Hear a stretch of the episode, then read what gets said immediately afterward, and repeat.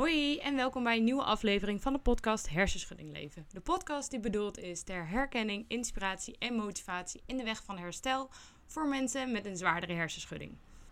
Ik zal mezelf even voorstellen. Ik ben Coco, ik ben 23 jaar en ik heb zelf twee jaar nu een zwaardere hersenschudding.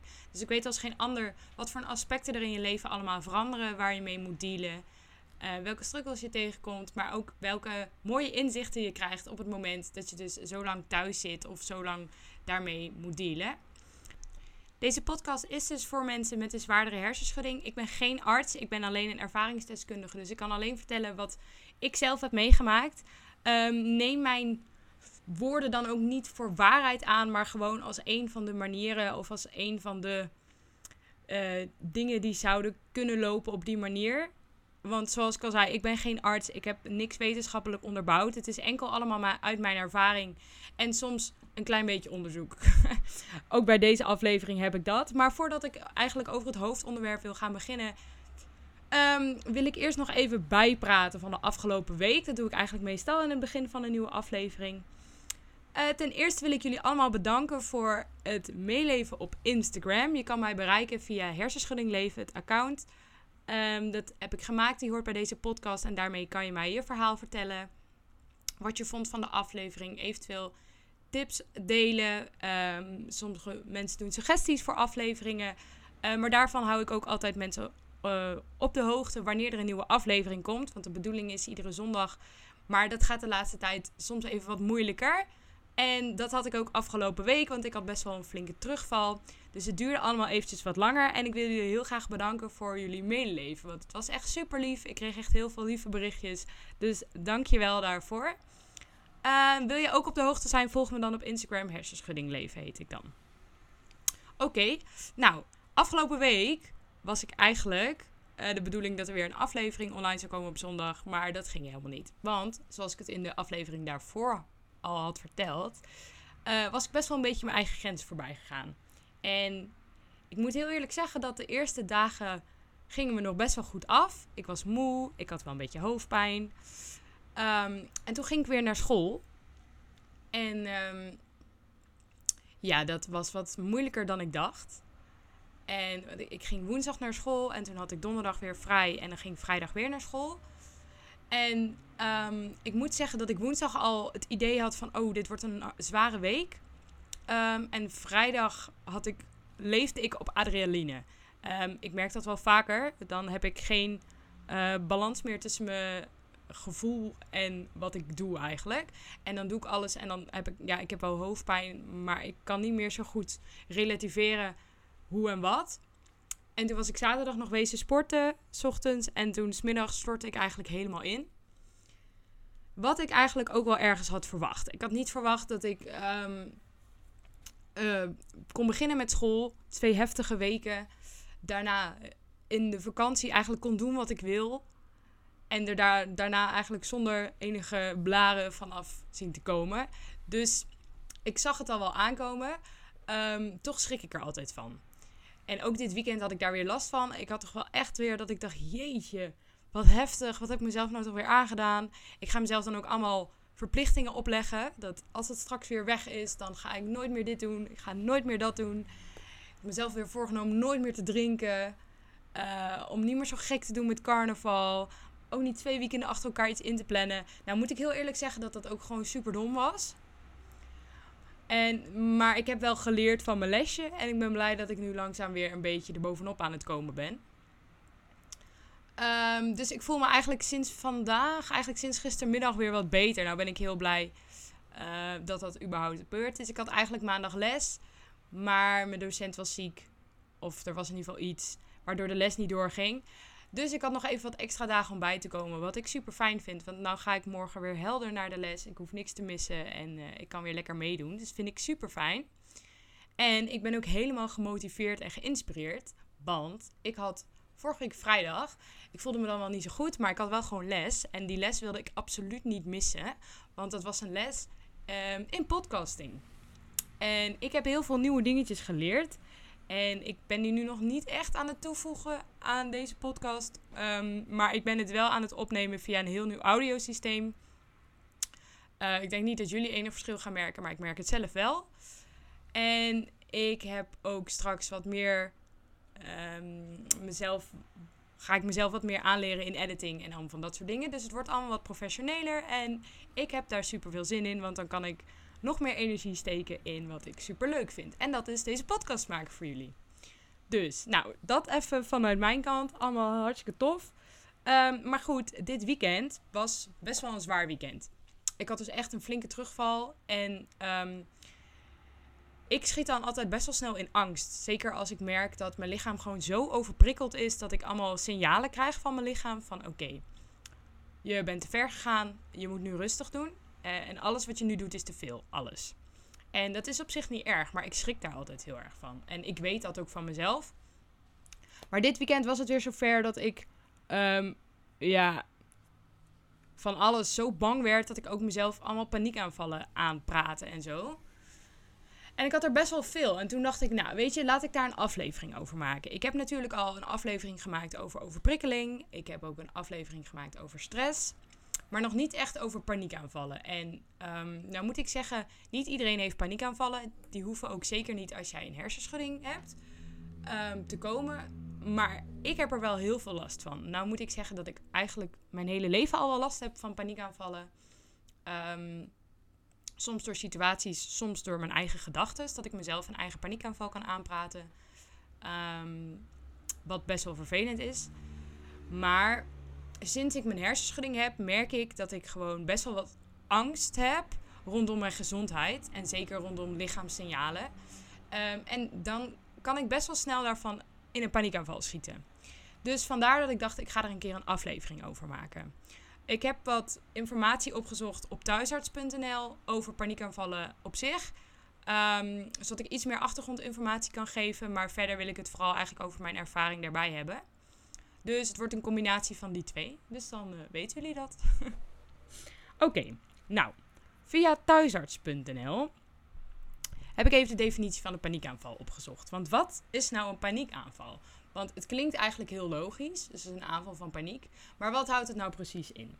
Nou, thuisarts.nl geeft aan dat een paniekaanval een aanval is van angst, waarbij de angst eigenlijk de baas wordt over jou. Het is een lichamelijk verschijnsel van spanning en van angst.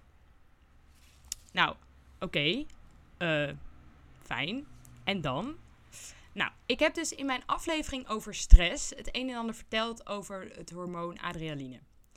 Um, ik denk dat dit een aanvulling gaat zijn op die aflevering. Die aflevering ging over wat stress met je lichaam doet. Um, en ik denk dat als stress je te veel wordt, of als stress gepaard gaat met angst, ervoor kan zorgen dat je een paniekaanval krijgt. Um, en dat ziet er dan een beetje als volgt uit op het moment dat jouw lichaam uh, het stresshormoon adrenaline aanmaakt, um, gaat je lichaam een beetje uh, zweten. Je kan gaan trillen. Je krijgt een verhoogde hartslag. Nou ja, je krijgt wat meerdere stresssymptomen. Um, en soms kunnen die door een bepaalde gebeurtenis of door een bepaalde gedachte verergeren. Uh, dus die klachten die nemen een soort van toe. Um, en daardoor krijg je eigenlijk het idee dat het je te veel gaat worden. Dat je lichaam het niet meer aan kan houden. En als dan angst daarbij komt kijken, um, dan vergroot dat, dat idee. En dan raak je in paniek. Dat is eigenlijk hoe je een paniekaanval een beetje kan uitleggen. Op dat moment weet je eigenlijk niet meer zo goed wat je moet doen. Uh, nadenken lukt niet zo goed. Dit staat allemaal op thuisarts.nl. Al kan ik me hier helemaal in vinden. Um, en wat je het liefst wil doen is vluchten, schreeuwen, huilen, wegkruipen. Nou, dat was even wat een paniekaanval is. Nou kan ik mezelf daar echt helemaal in vinden. Want um, ik heb verschillende soorten paniekaanvallen gehad. Uh, die ik soort van kan categoriseren in verschillende categorieën. Maar straks daar meer over. Maar wat inderdaad wel altijd gebeurt is, op dat moment kan ik niet meer denken. Ik zit meestal in een soort waas en ik kom er zelf niet meer uit. En dat weet ik ook van mezelf. Dus ik kan me heel goed vinden in het feit dat je een soort van overmand wordt door angst en gedachten. En je dan echt niet meer weet waar je naartoe moet. En dat je dan in paniek raakt. Dus nou ja, zo begint het een beetje. Nou staat op thuisarts.nl ook het een en ander aan signalen. Eh, van een paniekaanval. En ik vind ze zelf heel erg lijken op de signalen van stress. Maar ik ga ze toch nog even allemaal opnoemen. Omdat ze ja, soms ook wel net weer wat anders zijn, maar ze zijn wel heel duidelijk of zo. Als je zelf ehm, soms afvraagt van wat gebeurt er nu? Misschien kan je naar aanleiding van deze signalen wel bedenken: oké, misschien heb ik wel gewoon een paniekaanval. Want het is niet altijd meteen super heftig. Je kunt het heel heftig ervaren en echt niet meer weten hoe en wat. Maar je kunt ook echt gewoon alleen echt een verhoogde hartslag krijgen en even denken: oké, wat is er nu aan de hand? Uh, ik weet niet zo goed wat er is, maar ik kan niet meer zo goed nadenken. Help. Dat kan dus ook al het begin zijn van een paniekaanval. Goed, de signalen. Um, snelle hartslag, zweten, rillingen, duizeligheid, beven, benauwdheid, een vervelend gevoel op de borst, tintelingen of een doof gevoel in handen of voeten, droge mond, misselijkheid, braken, diarree, um, het gevoel hebt dat je omgeving er anders uitziet, uh, het gevoel hebt dat je controle verliest, het idee dat je gek wordt of het idee dat je doodgaat. Klinkt allemaal niet super fijn. Um, je hoeft niet altijd alle signalen te hebben om een paniekaanval te hebben. Meestal bij twee, drie of meer kan je wel duiden van oké, ik heb wel redelijk. Uh, dan kan je wel voor jezelf aannemen of je in een paniekaanval zit. Um, wat ook nog een signaal is naar de hand, is doordat je, ja, doordat je best wel hevige adrenaline in je lichaam hebt, kan je daarna nog best wel eens hevige natrillen uh, of in huilen uitbarsten. Nou, dat waren eigenlijk de signalen die thuisarts.nl aangaf voor, het, um, voor een paniekaanval. En als ik zo naar die signalen kijk, vind ik ze voor mij heel herkenbaar. Uh, wat ik meestal heb, is ik heb sowieso een, snelle, versnelde hartslag. En ik ga soms ook wel zweten. Um, soms word ik inderdaad duizelig, heel benauwd. Ik kan soms ook heel kortademig worden, dat ik echt ga hyperventileren. Um, maar ook misselijkheid. Laatst had ik, dit weekend had ik heel erg het gevoel dat ik zo misselijk was dat ik echt dacht, volgens mij moet ik zo meteen gewoon overgeven. Ik dacht, waar komt dat door? Maar dat kwam echt door de stress en door de angst in mijn lichaam. En wat ik ook heel vaak heb, is het controleverlies. Of het idee dat ik gek word. Dat heb ik echt heel erg. Dus soms ben ik mezelf zo aan het doemdenken dat er voor mijn idee geen uitweg meer is. Dat ik echt denk, ja, ik weet niet meer. Volgens mij word ik gek. Ik denk niet meer dat, dat hier nog een uitweg is. Dat denk ik best wel vaak als ik een paniekaanval heb. Ik weet dat dat niet zo is. Maar dat denk ik op dat moment wel. En dan komt eigenlijk het volgende. Waar kan een paniekaanval uit ontstaan? Nou, een paniekaanval heeft eigenlijk verschillende oorzaken volgens thuisarts.nl. Uh, de eerste is dat je kan schrikken van een heftige situatie. Dat kan zijn in het verkeer, als je voor je neus een ongeluk ziet gebeuren bijvoorbeeld.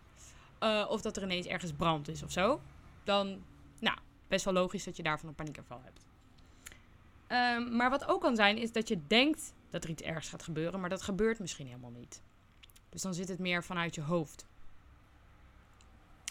En een ander iets kan zijn, is als je iets spannend vindt, um, volgens thuisarts.nl, en je denkt dat de symptomen iets anders zijn. Maar wat ik dan, um, ja, oké, oké, kan ik me in vinden. Dat is bijvoorbeeld, uh, je vindt iets spannends en je krijgt dan uh, hartklopping of zo en je denkt ik ben ziek. Of, of of het is iets ergs. Ik krijg een hartaanval of zo. Oké. Daar wil ik eigenlijk nog wel wat oorzaken of, of ontstaan redenen aan toevoegen. Um, want er staat hier, als je denkt dat er iets ergs gaat gebeuren. Maar wat ik mis, is overprikkeling. Als je heel erg overprikkeld bent, kan je lichaam eigenlijk de prikkels niet meer aan. En dat kan ook zorgen voor een paniekaanval, omdat je lichaam dan niet meer weet hoe die zich af moet sluiten. Dus ook, ik weet niet of jullie trouwens die weg achter mij horen, sorry, maar het is echt lawaaierig. Maar ik woon langs een weg en die is gewoon nooit stil, nooit. Maar goed, zijpadje. Maar ik, ik mis die redenen. Dus ik denk ook overprikkeling hoort daarbij. Omdat je dan uh, met stress zo hoog zit. Dat je dan ook redelijk snel een paniekaanval kan krijgen. en als je denkt dat er iets ergs gaat gebeuren, ehm, hoe ik het hier opvat vanuit thuisarts.nl is het. Dus als je denkt dat de wereld vergaat of zo, of uh, ja, weet ik niet. Maar dat kan ook gezondheidsgerelateerd zijn. Dus wat ik vaak denk, is um, dat ik helemaal terug bij af ben. Of dat ik um, het heb verpest. Dus dat ik iets heb gedaan waarvan ik denk, nu heb ik iets in mijn hersenen kapot gemaakt, waardoor ik misschien nooit meer beter word. Of um, ja, de gedachte dat ik weer heel lang alleen thuis ga zitten.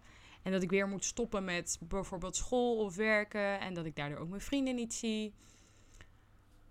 Dat zijn voor mij ook gedachten uh, die voor mij kunnen verzorgen dat ik een paniekaanval ga krijgen. Dus die mis ik een beetje.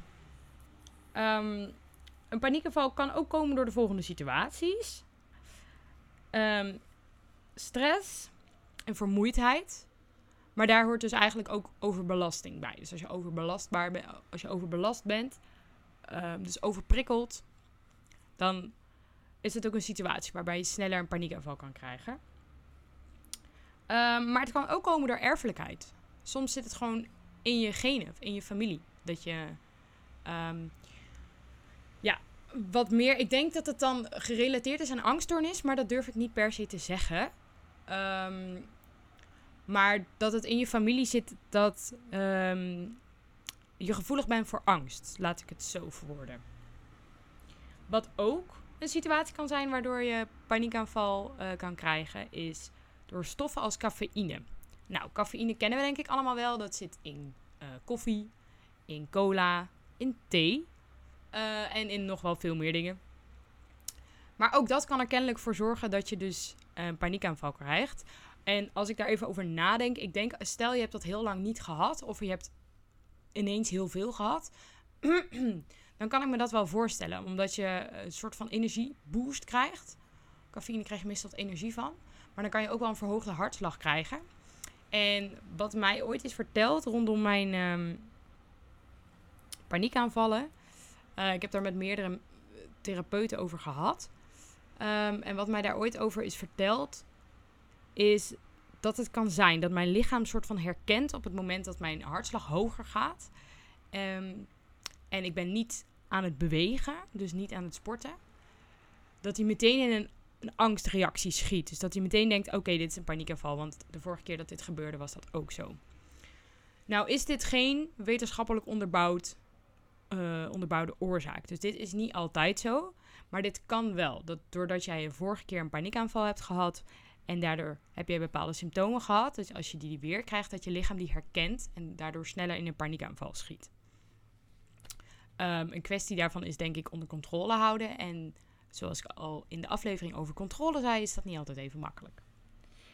Maar goed.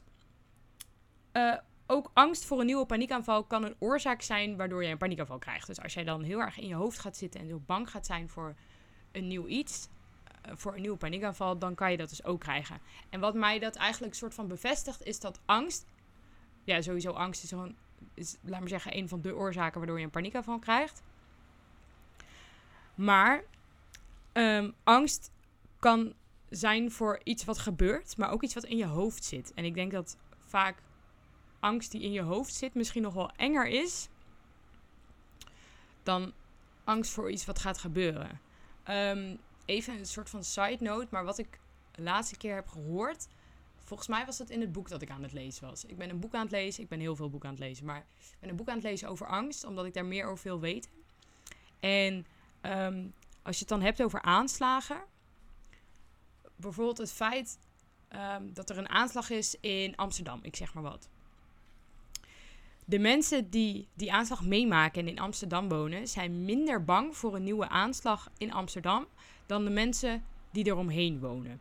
Dus half Nederland zal niet meer naar Amsterdam durven bang zijn voor een nieuwe aanslag, terwijl de mensen in Amsterdam daar minder bang voor zijn hier zit een bepaalde redenering en uh, wetenschappelijk iets achter. Kom ik op terug in de aflevering over angst als ik het boek uit heb, want dat duurde wel even. Maar dat geloof ik wel. Dat op het moment dat je een bepaald idee van iets in je hoofd hebt, dat dat veel enger kan zijn dan het daadwerkelijke gebeurtenis. Ik denk dat dat meestal ook is. Ehm, en dat daarom ook mensen altijd zeggen: uh, confront, your, confront your fears. Dus um, confronteer je met je eigen angsten. Als je bang bent voor spinnen, dan moet je dus zien dat je um, dat spinnen helemaal niet zo eng zijn. En dan moet je in zo'n bak gaan met spinnen. Het vervelende is, is dat ja, daar kom ik op terug in mijn aflevering over angst. Ik denk dat dat beter is, anders ga ik daar veel te veel op in. Maar goed, dus angst. Onderliggende reden voor paniekaanvallen. En ook voor een oorzaak om ervoor te zorgen dat je dus weer nieuwe kan krijgen of ontstaan daarvan. Maar ja, wat als je nou eenmaal een paniekaanval hebt? Ik zit nog steeds allemaal in de materie van thuisarts.nl. Um, ze hebben een paar tips of een paar, ja, dingetjes die zouden kunnen helpen eerste is, het helpt als je weet dat het geen kwaad kan. Het is enkel angst. Nou, dat is dus zo op het moment dat jij een paniekaanval hebt. Um, je kan soms best wel gedachten hebben over dat je gek wordt. Over dat je doodgaat. Dat is dus niet zo. Want het is echt enkel een paniekaanval. Die gaat ook weer voorbij. Op het moment dat die weg is, is er niet zoveel meer aan de hand. Er is niet zoveel veranderd in jouw persoonlijkheid. Um, behalve dat je misschien angst kunt opbouwen voor een nieuwe uh, paniekaanval is er verder niet heel veel veranderd. Wat inhoudt, je wordt niet gek. Je gaat niet dood. Het gaat gewoon weer voorbij. Um, en het kan ook geen kwaad. Het maakt dus ook niet dingetjes los in je hersenen. Het maakt geen dingetjes kapot. Um, het beschadigt verder niks. En ook nog best wel een fijn, om te, een fijn feitje om te weten. Het duurt meestal maximaal 60 tot 90 minuten. Dus dat kan betekenen, soms heb je een, uh, een paniekaanval die is kort. Soms duurt hij een uur, maar hij duurt maximaal anderhalf uur. Er zullen vast uitzonderingen zijn, maar over het algemeen duurt hij maximaal anderhalf uur. Daarna is het voorbij en neemt het af. Um, ik denk dat het belangrijk is om te weten als je een paniekaanval hebt, is dat je weet dat het overgaat en dat je weet dat het geen kwaad kan. Zodat je niet ook nog daar zorgen over gaat hebben. Want alle extra zorgen die je op dat moment gaat krijgen, gaan er alleen maar voor zorgen dat het langer duurt en erger wordt. Um, dan staat er ook nog, als je een aanval hebt of voelt aankomen, probeer rustig te ademen en te ontspannen. Ja. Ik vind dit altijd een beetje hetzelfde als um, dat je tegen mensen gaat zeggen: Voel je dit of dat? Probeer dan dat en dat te doen het, het zou vast voor sommige mensen werken, maar op het moment dat ik een paniekaanval aanvoel komen, kan ik niet ontspannen. Dat lukt me niet. Um, enkel bij het feit omdat ik weet dat, er een, dat er een paniekaanval aan zit te komen. Ik word daar niet heel rustig van. Het is dus wel de bedoeling. Ik word het niet. Maar misschien, het is wel een tip. Er staat ook bij zoek afleiding en doe iets actiefs. Nou, dat vind ik wel een goeie. Um, ik heb ook tijdens mijn revalidatie een EHBO-kit gemaakt. Voor op het moment dat ik paniekaanvallen krijg. En een paar van die dingen waren bijvoorbeeld zet blije muziek op. Of um, ga even dansen, ga even lopen. Nou moet ik zeggen, op het moment dat ik best wel heftige paniekaanvallen krijg die uh, te maken hebben met overprikkeling, ga ik niet blije muziek opzetten. Omdat ik dan alleen nog maar angstiger word over het feit dat ik mezelf nog meer aan het overprikkelen ben. En um, op het moment dat ik een paniekaanval heb, is alles erger. Ik kan om alles wel een reden bedenken waarom het wel of niet goed is. Dat is echt heel erg. Het slaat nergens op. Maar op zich, bewegen is een goede activiteit. Ik heb ook wel eens gehad dat ik um, bij een vriend was en dat ik merkte dat er een paniekaanval op aan het komen was. En dat ik gewoon, ik wilde weg. Ik wilde echt heel graag weg. Dus ik zei, ik ga naar huis. Ik heb mijn spullen gepakt en ik ben meteen gegaan. En ik kreeg later wel een appje van, hoi, gaat het wel? Maar op het moment dat ik naar huis aan het fietsen was, werd ik rustiger. Omdat ik wel aan het denken was, maar je, lichaam is bezig met bewegen. En je lichaam kan zich niet zoveel focussen op alleen denken, maar moet ook focussen op het bewegen, waardoor je automatisch um, je lichaam al wat rustiger wordt. Ik denk dat een paniekaanval eigenlijk bestaat uit twee grote activiteiten. En dat is een, een fysieke activiteit en een mentaal activiteit. En zoals ik ook in het begin bij de symptomen zag, zijn heel veel dingen fysiek. Maar sommige dingen zijn mentaal. En ik weet dat sommige paniekaanvallen ook komen vanuit mentale beweegredenen. Ehm, dus als je dan één van die twee kan afleiden, neemt automatisch de paniek al wat meer af. Dus op het moment dat jij gaat bewegen, is jouw fysieke activiteit zorgt ervoor dat je niet zoveel meer met je mentale gesteldheid bezig kan zijn. En andersom, als jij je hoofd kan afleiden, zal jij ook rustiger worden. Ehm, daarom zeggen mensen ook vaak: let op je ademhaling. Ik heb ook zo'n app op mijn telefoon, die heet Calm. En daarmee ga je dan samen ademen. En omdat je dan focust op een ademhaling, ben je met de fysieke activiteit bezig en probeer je je gedachten ook naar die ademhaling te krijgen. Waardoor je niet meer bezig bent met de paniekaanval aan zich. Maar goed, dus dat zijn tips. Dus beweging, afleiding, dat soort dingen. Dan staat er ook nog um, achteraf op het einde van een paniekaanval, of als je, zodra die eigenlijk helemaal voorbij is, bedenk waarom je een paniekaanval kreeg. Schrijf alle beweegredenen op waarom jij een paniekaanval kreeg. Nou heb ik het al vaker um, in afleveringen benoemd. Um, onder andere ook over uh, journalen. Dat het soms best wel fijn kan zijn om je gedachten op te schrijven. Wat ik zaterdag heel erg had. Ik had zaterdag best wel wat paniekaanvallen. Is dat ik niet wilde schrijven. Omdat ik niet wilde dat de gedachten die in mijn hoofd waren op papier stonden. Omdat ze dan een soort van zwart-wit van mij waren. Terwijl ik weet dat mijn gedachten soort van waren gevormd en niet van mij zijn. Op het moment dat jij een gedachte krijgt, is dat niet per se iets wat vanuit jou komt. Want dat kan ook vanuit alles komen wat jij in je leven bent tegengekomen. Dus een gedachte maakt niet wie jij bent. En daarom wilde ik het niet opschrijven. Ik dacht, als ik dit opschrijf, zijn, worden het mijn woorden. Dan worden het echt dingen vanuit mij. En dat vond ik wel, dus had ik daar weer een struggle mee. Ik kan echt alles bedenken om mijn paniekaanval staande te houden.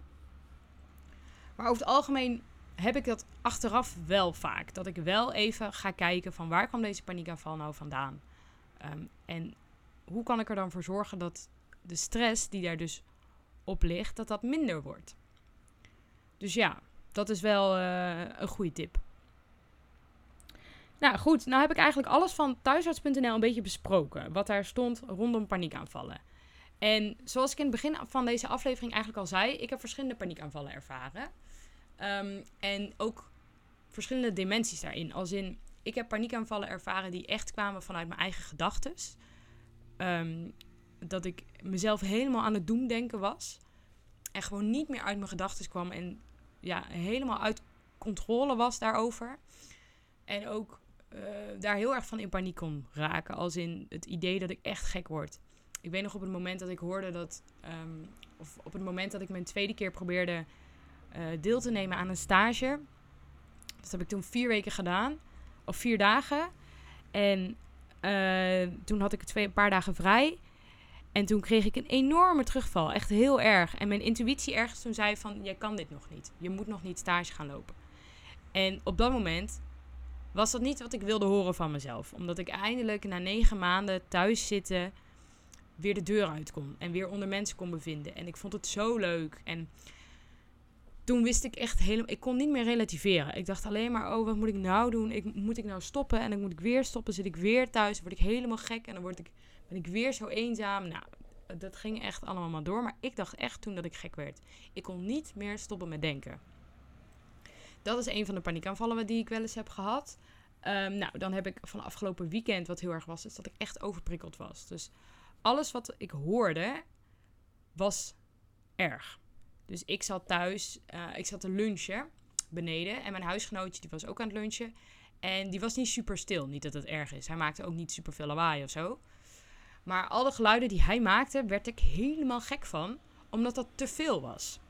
Dus op het moment dat hij zijn vork neerlegde, klonk dat te hard in mijn oren. Op het moment dat hij zijn vork en daarna zijn bestek in de goot smeet, omdat hij dacht ik ga afwassen, was het voor mij echt van hallo, kun je dat ook rustig doen? Ik, ik werd echt helemaal opgefokt door het feit dat alle prikkels die ik extern ervaarde niet meer kon handelen. Ik kon ze niet meer relativeren. Dus daar werd ik helemaal gek van. En dat was een heel ander soort paniekaanval. Want ik zat helemaal daardoor in mezelf. Ik had zoveel stress in mijn lichaam dat ik toen pas dacht van oké, wow, dit gaat niet goed. Oké, uh, shit, dit gaat niet goed. En op het moment dat ik denk het gaat niet goed, zit ik meestal al te ver. Dan zit ik meestal redelijk in een paniekaanval. Omdat ik dan dus echt heel erg ga denken van oké, er zit iets niet goed. Ehm, wat moet ik nu doen? Wat, hoe kan ik ervoor zorgen dat het minder wordt? Moet ik naar boven? Ehm, mijn kamer is op de bovenste verdieping.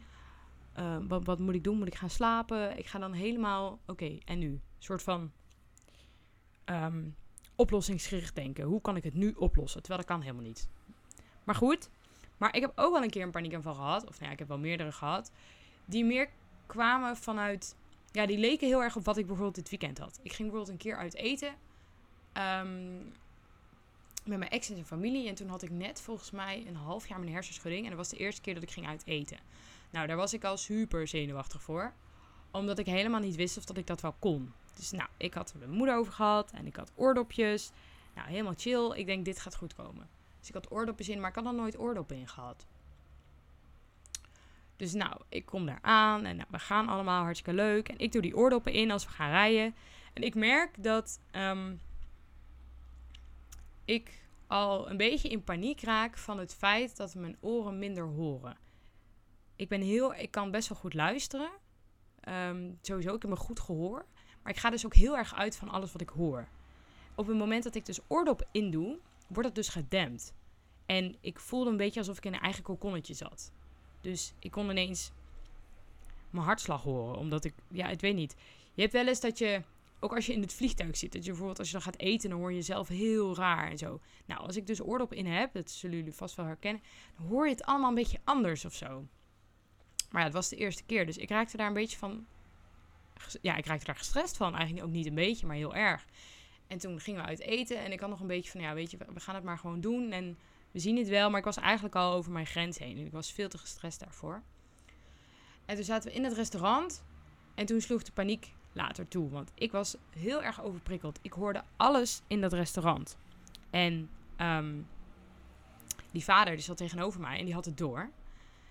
Maar die dacht al, ik ga maar niet te veel te over beginnen, want dan gaat het mis. Maar ik hoorde alles en ik werd helemaal gek. En aan het einde zei ik tegen mijn ik moet nu naar buiten. Ik moet echt nu naar buiten. En dat doe ik liever niet, want ik ga liever niet uh, een etentje verstoren. Ik weet nog, toen ik buiten kwam, was ik helemaal aan het trillen en aan het shaken en meteen aan het hyperventileren. En ik dacht echt, wow, wat, wat gebeurt hier nou? Ik had echt helemaal een blackout, maar dat was een heel ander soort paniekaanval dan dat ik gewend was. Want in de meeste paniekaanvallen kon ik nog wel denken. En nu was het echt alsof ik in een of andere bubbel zat en iedereen zat drie kilometer verder weg. Het was zo raar. Het was echt een hele rare ervaring. Maar ik vond het ook een hele vervelende ervaring. Ook omdat de meeste paniekaanvallen die ik heb, zijn niet fijn, maar ik herken ze. En dit was iets totaal nieuws. Ik was eigenlijk zo overprikkeld van alles wat er gebeurde. En ook vanuit binnen was ik zo gestrest. Ja, het was een heftige ervaring. Maar goed, dat is dus ook. Dat zijn ook paniekaanvallen, maar dat zijn heel ander soort paniekaanvallen. Dus er bestaan zoveel verschillende paniekaanvallen dat ik ook denk dat ze in heel veel verschillende categorieën ehm, gestempeld kunnen worden. Zoals ik ook weet dat er heel veel verschillende angsten zijn. Dus die zullen daar wel mee te maken hebben. Maar ja, dat is dus mijn ervaring over paniekaanvallen. En zeker sinds ik, hers, sinds ik een hersenschudding heb, heb ik er meer. Ik heb echt meer paniekaanvallen. En uh, dat komt ook omdat ik gewoon, ik vind mijn gezondheid soms best wel eng. Omdat ik ineens signalen krijg van mijn lichaam die ik niet snap. En um, ja, er gebeuren dingen die ik niet snap. Ik, ik, ik kan het niet onder controle houden. En ik vind dat eng. En op het moment dat ik sommige dingen weet, dus van ja, ik weet dat ik dit niet onder controle kan houden, dan kan ik dat wel accepteren. Maar soms krijg ik van die signalen van mijn lichaam en dan ben ik dus bijvoorbeeld overprikkeld. En word er zo bang van, want dan denk ik, oh, nou ben ik weer te ver gegaan en dan ben ik weer helemaal terug bij af. Dat is heel vaak wat ik denk. En dan kan ik mezelf echt doemdenken. En ik weet dat dat niet nodig is. Dat is echt niet nodig. Maar het is wel wat ik op dat moment denk. En dat is wel voor mij de oorzaak voor heel veel paniekaanvallen. Maar het is wel goed om je daarvan bewust te zijn. Ik denk dat het ook wel belangrijk is om te kijken waar komt deze paniekaanval nou vandaan. Wat zoals bijvoorbeeld dit weekend wist ik gewoon, oké, ik heb gewoon de afgelopen maand, heb ik het erg druk gehad. Mezelf te weinig tijd gegeven om te herstellen, maar ook te weinig contact gemaakt met mezelf. Uh, ik wist gewoon dat ik het dat ik de balans met mijn gevoel even kwijt was. En dat had ik al door andere signalen had ik dat al door. Maar ik kan het dan niet ineens plaatsen. Ik voel het dan niet ineens weer. En meestal moet het bij mij dan even weer een keer te ver gaan. En dan heb ik het weer. En dan kan ik weer opnieuw ehm, opbouwen. En daar ben ik dan nu mee bezig. Maar ook, dus dan weet ik waar de paniekaanval vandaan komt. Maar soms is het ook fijn om de paniekaanval zelf te herkennen. En ik heb tijdens mijn revalidatie ook wel best wel over gehad. Van wat voel je nou? Wat is nou een soort van achterliggende angst wat jij hebt op het moment dat je een paniekaanval hebt? En nou heeft het bij mij heel erg te maken ehm, met eenzaamheid. Ik merkte toen ik hier negen maanden alleen in mijn kamertje zat, dat vond ik zo erg. En ik vond dat zo moeilijk. En ik voelde me toen zo alleen, omdat ik gewoon met niemand contact kon maken die dit snapte, die dit ook had. En waar ik kon er gewoon niet over praten. En dat is een van mijn achterliggende gedachten, die op het moment dat ik een paniekaanval heb, ergens achterin sluit. Dat is soort van het ergste wat kan gebeuren, of zo, denk ik, in mijn hoofd. Maar ook dat is goed om te weten. Dat je van jezelf weet van oké, als ik een paniekaanval heb, waar denk ik dan aan? En probeer daar eerlijk in te zijn en naar jezelf echt uit te dagen om daarover na te denken. Want ik denk dat het wel kan helpen. Op het moment dat je weet waar het vandaan komt. Uh, meestal heeft een paniekaanval ook te maken met iets wat je vroeger hebt meegemaakt. Niet altijd hoor, maar het kan een gevoel zijn, iets wat je hebt meegemaakt, wat een soort van doemscenario wordt. Wat ik dus heb met die eenzaamheid. Want ik weet dat dat ook uh, vroeger in mijn leven vaker is teruggekomen. Dus dat is een groot item. En kennelijk ben ik daar heel bang voor. En ik denk dat het goed is om daar naar te kijken. Want paniekaanvallen zijn niet zomaar iets. Ze zijn best wel heftig. Wat ik wel heb is, het idee dat de laatste tijd mensen er wat meer over, open over durven te zijn. Uh, en dat ik ook wel echt wat vrienden en zo ook hoor over uh, dat die ook paniekaanval hebben gehad. En dan vind ik dan altijd ergens ook wel weer fijn om te horen. Niet fijn om te horen dat ze een paniekaanval hebben gehad, maar fijn om te horen dat ik niet de enige ben die daar dan mee kampt en die dat kent. Die kent hoe angstig het is en hoe vervelend het kan zijn. Dus praat daar ook over met je omgeving. Dat kan best wel helpen. Um, wat ik ook vaak heb is op het moment dat ik een paniekaanval heb, ik moet iemand bellen. Vaak omdat ik een mentale paniekaanval heb, dus dat het echt voor mijn idee in mijn hoofd zit, dat ik mezelf dus in de paniekaanval praat, vind ik het heel fijn om het er met iemand over te hebben. Um, maar zoals ik al zei, bij die verschijnselen die erin zitten, ik kan niet meer nadenken. Dus ik ga heel erg. Um, ik heb mij meestal, ik denk of aan mijn moeder of aan mijn beste vriendin. En die kan ik bellen. En ik, er zitten niet heel veel andere opties bij. Want op dat moment kan ik niet meer helder denken. Dus het is of die of die bellen. En anders ben ik de lul en moet ik het zelf doen. Maar ik moet heel graag met iemand praten. En dan is het ook altijd. ze weten het ook meteen, want ze horen mij. En ik ben dan vaak aan het hyperventileren. En dan is het meteen, oké. Eh, en dan, dan kan ik nog wel zeggen van, praat over iets, leid me af. En dan meestal al pratende kom ik er wel weer uit. Maar dat kan voor jou ook wel helpen. Dus ga goed kijken naar wat helpt jou op het moment dat je paniekaanvallen hebt. Maar durf er ook over, open over te zijn. En als jij dat niet kan zijn naar je omgeving, stuur mij dan een berichtje. Stuur mij een berichtje over je paniekaanvallen en hoe je ze ervaart. Ik wil je daar best wel um, in ondersteunen in hoeverre ik kan. Ik kijk, ik kan natuurlijk niet naast je gaan zitten en ervoor zorgen dat het weggaat. Maar misschien kan ik er wel met je over hebben en um, je helpen. Dus wie weet, laat het me weten. Kan via Instagram hersenschudding leven. En dan wil ik het hier een beetje bij laten. Dit was een beetje de aflevering. Nou, ik vond het best wel een lange aflevering. Maar wel, uh, ik denk wel een belangrijke aflevering. Het is wel iets wat in ieder geval bij mij in mijn herstel um, een grote rol heeft uh, betekend. Nou wil ik even iets nieuws doen. Um, op het moment dat jij luistert via een iPhone, kan je volgens mij via iTunes een recensie achterlaten. Ik weet niet precies hoe dat zit, want ik heb dus een Android. Um, maar dan kun je volgens mij sterren geven of zoiets. Of in ieder geval een recensie of een beoordeling. Wil je dat doen voor mij? Want daardoor wordt de bekendheid van de podcast hoger. Hoe, hoe meer recensies die heeft, hoe meer uh, bekendheid die creëert daardoor. En daardoor wordt de uh, bekendheid hoger. En het zou fijn zijn als mensen die dan ook een hersenschudding hebben, ook in aanraking kunnen komen met deze podcast. Want dat is wel zo prettig voor ze. Dan kunnen we hun misschien ook helpen. Nou, heb jij nou nog tips voor mij of um, aanmerkingen of opmerkingen over de aflevering? Laat het me weten via dus Instagram, hersenschudding leven. En uh, zo niet, dan uh, tot volgende week. Oké, doei doei!